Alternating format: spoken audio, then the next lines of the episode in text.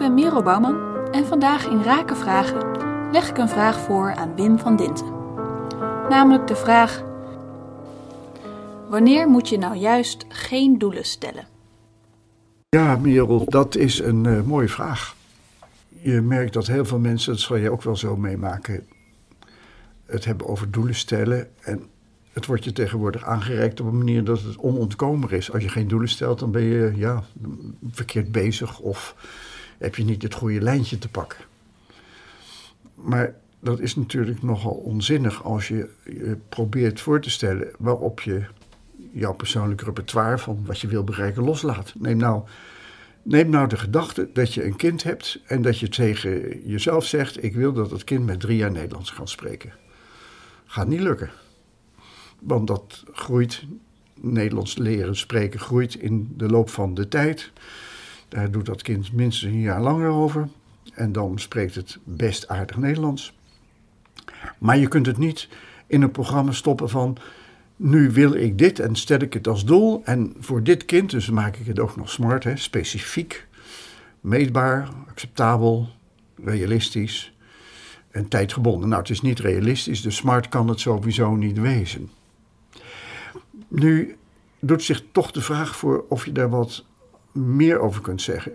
Nou, eigenlijk geldt dat als je iets voor elkaar wilt krijgen, wat alleen maar in een evolutionair pad of een evolutionaire vorm tot stand kan komen, dat je dan met die doelenstellerij niet zo ver kunt komen. Dan, dan moet je denken in hoop of in verwachting of een wens. En dan kun je natuurlijk wel de omstandigheden beïnvloeden waaronder iets tot stand komt. Neem bijvoorbeeld immigranten. Ja, als die mensen hier komen en ze zijn opgegroeid in Marokko of in Turkije of in Ghana, maakt niet uit, dan hebben ze de oriëntatie gekregen die in die cultuur domineerde en die nemen ze mee naar hier. Dan kun je zeggen, nou, nu moeten ze Nederlands leren om in te burgeren en ze moeten, nou, er komen allerlei wensen en eisen, opleidingen bij.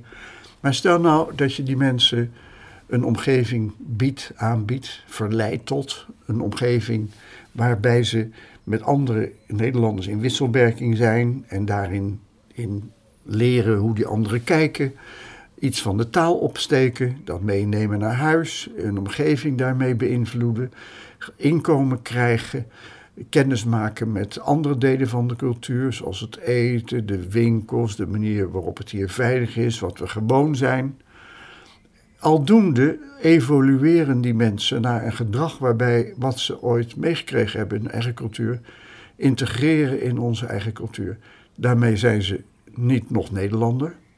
Moet je volgens mij ook niet willen, want dat zal niet lukken. Maar ze zijn wel ingeburgerd. En de kinderen die ze krijgen gaan naar een Nederlandse school en raken ook ingeburgerd en nemen weer Nederlandse accenten mee. Kortom, in een evolutionair proces zie je ze dan vernederlandsen en inburgeren. Dat is heel iets anders als ik stel me nu ten doel dat alle immigranten in Rotterdam Rotterdammer worden en dan ook nog in een specifieke tijd. Dat gaat niet werken. Dat geeft alleen maar spanningen. En je gaat bovendien naar immigranten kijken op een manier dat afwijkingen onwenselijk zijn. En dat je ze allemaal een soort Nederlands aureool of Nederlandse sticker wilt meegeven. Allemaal moeten we dan op elkaar gaan lijken. Lijkt me geen leuke samenleving. Die is ook niet divers.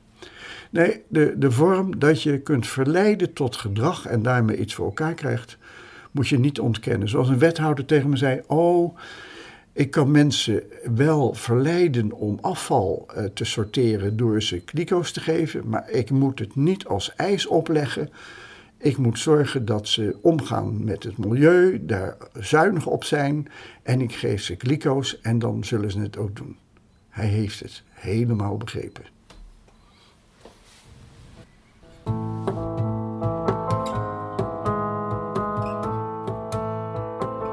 Wil je ook je eigen rake vraag beantwoord zien worden? Stuur dan een mailtje met je vraag naar czen